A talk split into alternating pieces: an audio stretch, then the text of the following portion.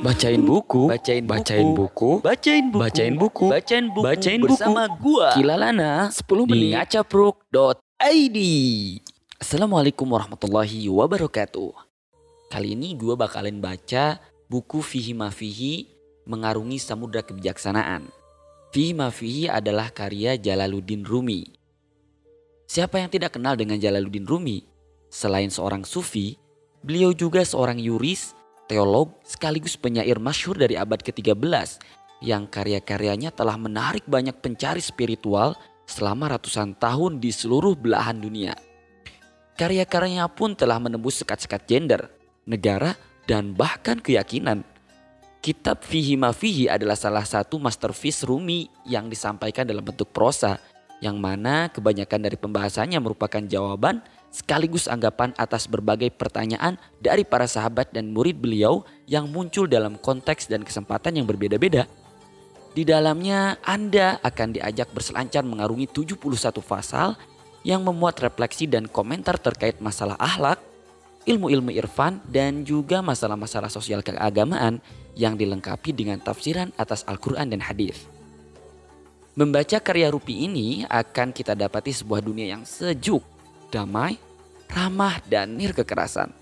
Seolah-olah berbagai bentuk kekerasan, kekejaman, serta wabah takfir atau pengkafiran dan tabdi atau pembinahan enggan untuk menampakkan diri dalam karya-karya beliau meskipun sejenak.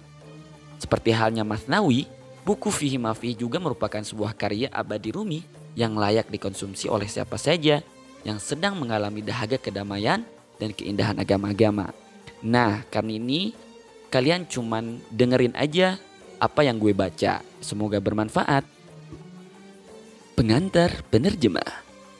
Maulana Rumi telah menyulap bumiku menjadi permata. Dengan tanah liatku, ia bentuk semesta laksana surga. Muhammad Iqbal Segala puji hanya milik Allah yang telah memecahkan sumber-sumber hikmah dari hati orang-orang yang benar. Dengan hikmah itu, Tuhan membukakan pendengaran para pencinta dan perindu sehingga mereka dapat mendengar. Tuhan juga memberikan cahaya bagi penglihatan orang-orang yang mengembara kekeharibaannya sehingga mereka mampu melihat. Aku memuji Allah dengan sebuah pujian dari seseorang yang mengakui anugerahnya. Aku bersyukur kepada Allah dengan rasa syukur dari orang yang mengetahui kebaikannya dan pemberiannya. Aku memohon ampunannya dari segala dosa yang ada di semua amal. Aku meminta pertolongan kepada dia yang menjadi asal dari segala sesuatu. Kupanjatkan solawat kepada Nabi dan hambanya yang mulia Sayyidina Muhammad Sallallahu Alaihi Wasallam kepada keluarga, para sahabat, keturunan, dan juga semua orang yang mencintainya dengan untayan solawat untuk melaksanakan kewajiban, mengagungkan kedudukannya, dan memuliakan pangkatnya. Kepada beliau dan mereka semua, aku aturkan ribuan dalam sejahtera. Aku bersyukur atas semua itu. Tiada apa pun lagi di sana selain Allah. Barang siapa yang mengetahuinya, maka ia akan meraih kebahagiaan sejati Siapa pun yang melupakannya, maka ia akan tertimpa kerugian yang nyata. Tingkatan para makhluk di jalan makrifat ini bertingkat-tingkat. Di antara mereka ada yang terpandang rajin melaksanakan sholat dan yang mampu bertajali atau menampak penampakan keagungan Allah. Ada pula seseorang yang terdiam dan tidak diketahui keadaannya. Allah Subhanahu wa taala telah mempersiapkan keberadaan seseorang yang menyeru kepada keimanan. Berimanlah kamu kepada Tuhanmu. Kenalilah Tuhanmu dengan sungguh-sungguh sebagai tujuan dan maksud dari setiap apa yang kamu ambil dan kamu undang. Termasuk ke dalam golongan yang istimewa ini adalah para utusan, para nabi, orang-orang soleh, dan para wali. Golongan ini tidak memandang apa pun selain Allah, sehingga nyatalah makna kalimat syahadat tiada Tuhan selain Allah. Karena mereka semua adalah golongan yang paling istimewa dari makhluk-makhluk lainnya, maka Allah telah mengistimewakan setiap ucapan mereka di atas ucapan makhluk lainnya. Ketika seseorang berkata, "Sesungguhnya mendahulukan ucapan anak cucu umat yang mulia ini adalah fardu kifayah. Karena ucapan mereka adalah suatu yang sangat dibutuhkan untuk memperbaiki hati kita. Benar bahwa kita sangat membutuhkan keikhlasan yang sempurna. Sebab bentuk amalan-amalan lahiriah tidak akan memberi manfaat tanpa dilandasi oleh keikhlasan. Imam Ibnu Atta'illah pernah berkata, Amal adalah kerangka yang mati dan nyawanya adalah keikhlasan yang ada dalam amalan tersebut. Mayoritas ahli tahqiq berpendapat bahwa Jalaluddin Rumi adalah salah satu orang yang termasuk ke dalam golongan istimewa itu dan ucapannya termasuk ucapan yang istimewa dibanding yang lainnya. Allah telah menganugerahkan kepada Rumi berbagai kenikmatan sejak beberapa tahun silam Beliau telah mempersiapkanku untuk ikut andil dalam menyingkap figur yang luar biasa ini beserta pengaruh dan jasanya yang besar untuk umat manusia. Sebelumnya aku telah menerjemahkan tiga buah buku berbahasa Inggris yang berhubungan dengan Jalaluddin Rumi. Untuk pengantar kitab ini, aku akan menjelaskan tiga hal yang berkaitan dengan biografi Maulana Jalaluddin Rumi.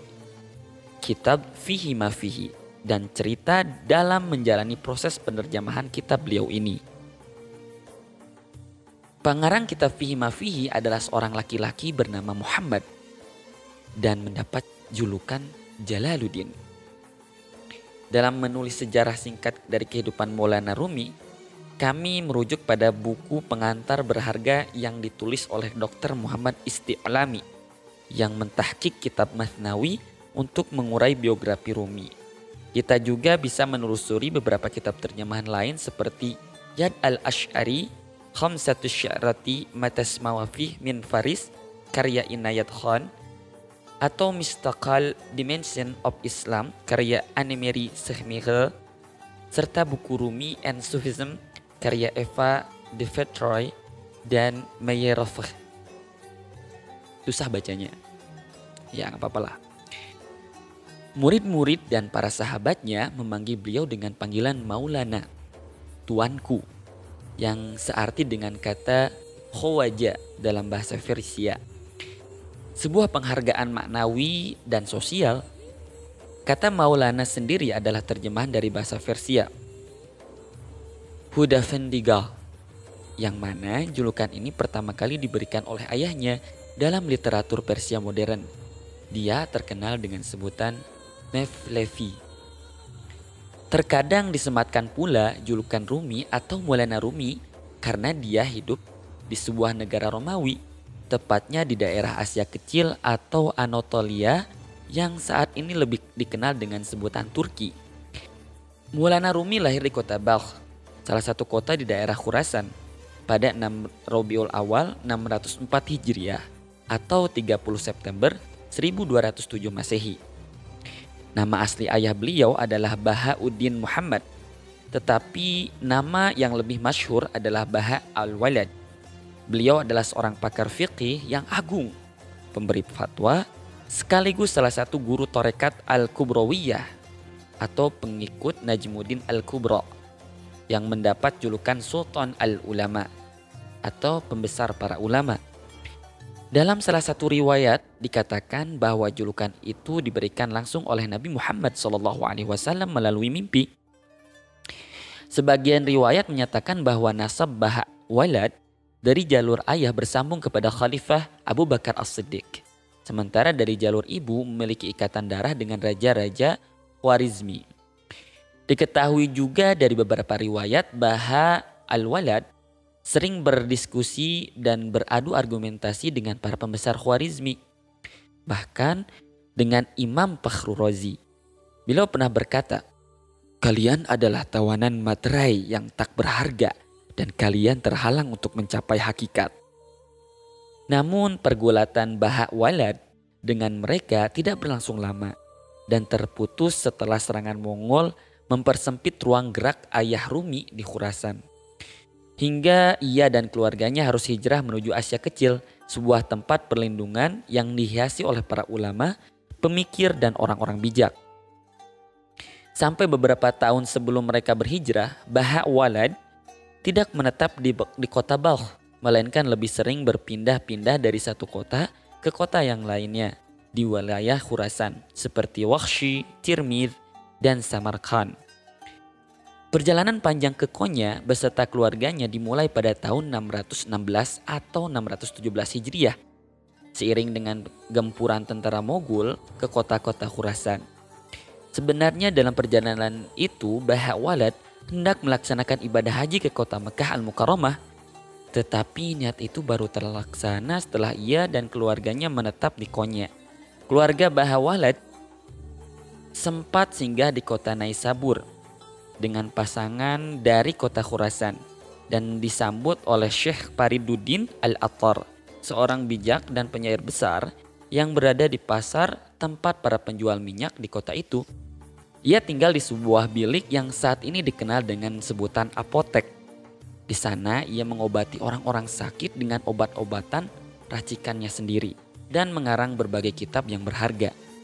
Menurut sebagian sumber informasi, Syekh Fariduddin kagum dengan kepribadian Maulana Rumi yang meski masih belia namun sudah memiliki tingkat kecerdasan dan ketangkasan yang luar biasa sehingga beliau memberikan kitab karangan yang berjudul Al-Asrar Namih atau dalam buku bahasa Inggrisnya Book of Secret. Beliau memberikannya kepada Rumi dan berkata pada ayahnya, Sesungguhnya anakmu akan menyalakan api dengan cepat disekam dunia ini.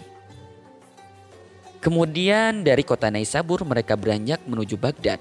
Terdapat bermacam kejadian yang dialami ayah Rumi selama tiga hari berada di sana.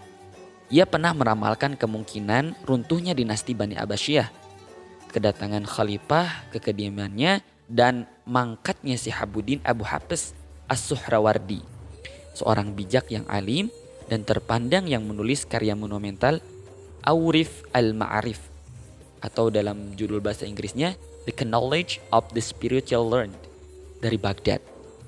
Bahak Walad membawa keluarganya keluar menuju Hijaz, kemudian bertolak ke kota Syam dan menetap cukup lama di sana.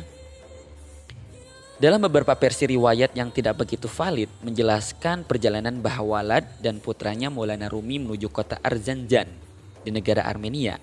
Mereka juga pernah singgah dalam waktu yang lama di kota As-Sakhr Malta, dan Laranda yang menjadi tempat wafatnya ibunda Maulana Rumi, Mukmin Khatun.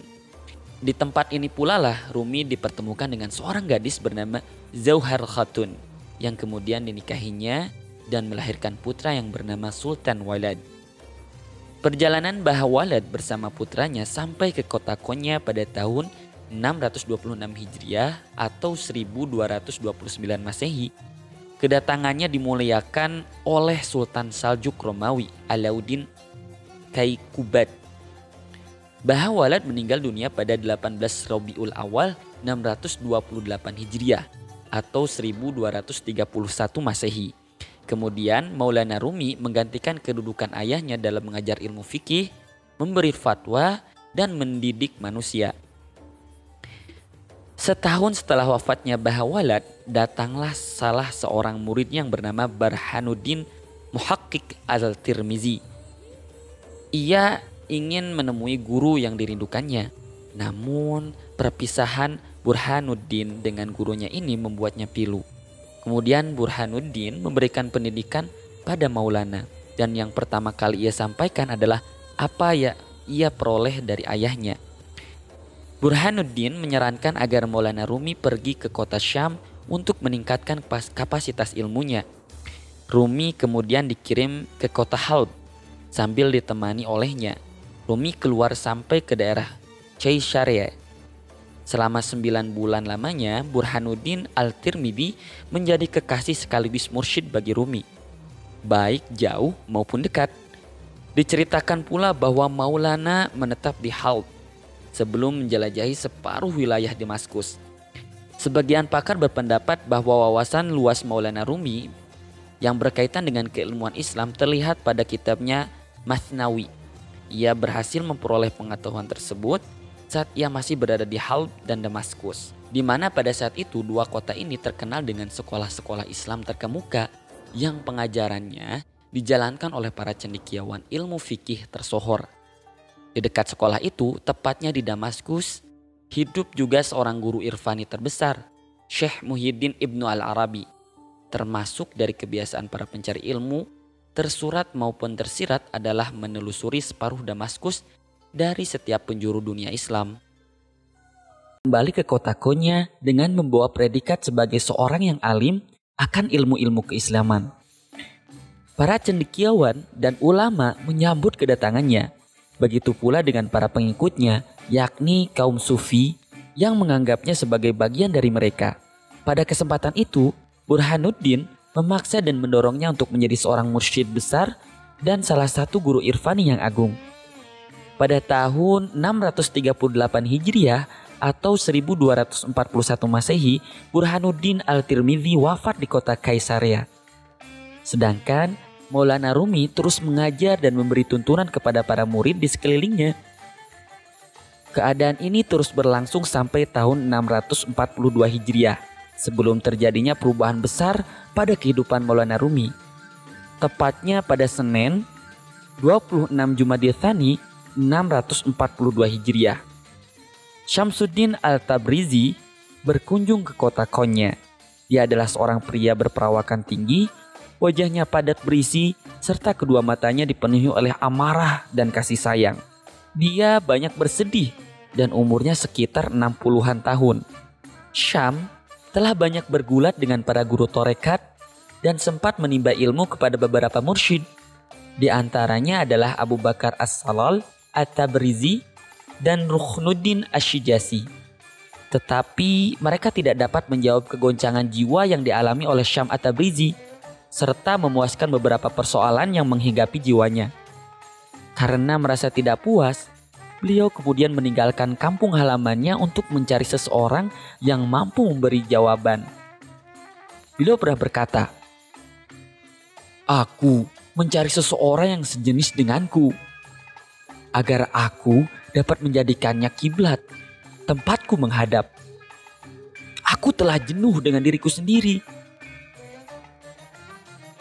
Demikianlah hingga akhirnya beliau pergi dari Tabriz menuju Baghdad dan terus melanjutkan perjalanannya ke Damaskus, tempat Ibnu Arabi berada. Di sana terjadi pergulatan dan diskusi antara keduanya. Beliau masih terus mengembara dari satu kota ke kota lainnya dan akhirnya sampai ke kota Konya. Syamsuddin diliputi oleh kebingungan sebagaimana disinggung dalam beberapa tulisannya yang menggambarkan kebingungan itu. Ketika ia sampai ke sana, ia tidak mengetahui apakah ia akan menemukan seseorang yang dicarinya di kota itu atau tidak. Beberapa saat lamanya ia terdiam dengan menyembunyikan identitas aslinya. Ia menyewa sebuah kamar bersama seorang pedagang di kediaman seorang wanita pedagang gula. Sampai akhirnya ia menemukan Rumi. Berbagai macam versi yang serupa dalam riwayat-riwayat ini meyakini jika Syamsuddin tahu akan keberadaan Rumi di kota Konya. Di tengah persinggahannya itu, ia selalu menunggu kesempatan itu untuk menemuinya. Dan akhirnya, ia meyakini bahwa Rumi sama dengan para pengajar lainnya yang kering dan dangkal. Namun demikian, di awal pertemuan mereka, Syam telah mengagumi beberapa potensi yang ada dalam diri Rumi, dan demikian juga sebaliknya. Beberapa sumber hikayat menjelaskan bahwa Syamsuddin turun langsung seperti Guntur menyambar cakrawala pemahaman Rumi hingga ia ingin Guntur itu yang meluluh lantahkan dirinya. Seperti yang beliau katakan, apa yang membebaniku dengan keluluh lantakan ini? Jika di bawah keluluh lantakan itu tersimpan harta karun sang sultan. Setelah keduanya bertemu, semangat mengajar dan mendidik murid dalam diri Rumi menjadi sirna. Ia tinggalkan majelis taklim dan kebiasaannya menjadi imam sholat. Dan lebih memilih untuk menyibukkan diri dengan menari dan memukulkan kedua kakinya ke tanah. Tenggelam dalam alunan lagu-lagu gazal yang mempengaruhi jiwa. Fenomena ini menyulut kemarahan para pengajar fikih yang akhirnya mengucilkannya dan menghasut para pengikut Rumi. Akibatnya, satu persatu dari pengikutnya meninggalkan Rumi dan berpindah kepada para fukoha itu.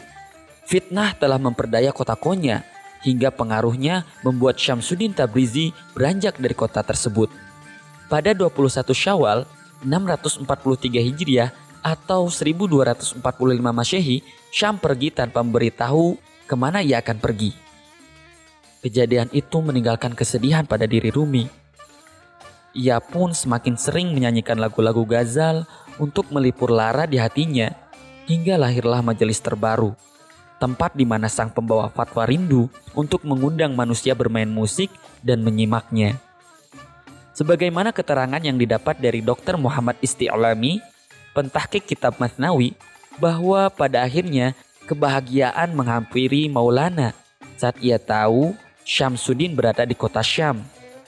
Dalam senandung syairnya ia berkata, Waktu subuh, mana lagi yang akan muncul jika ternyata ia berada di kota Syam?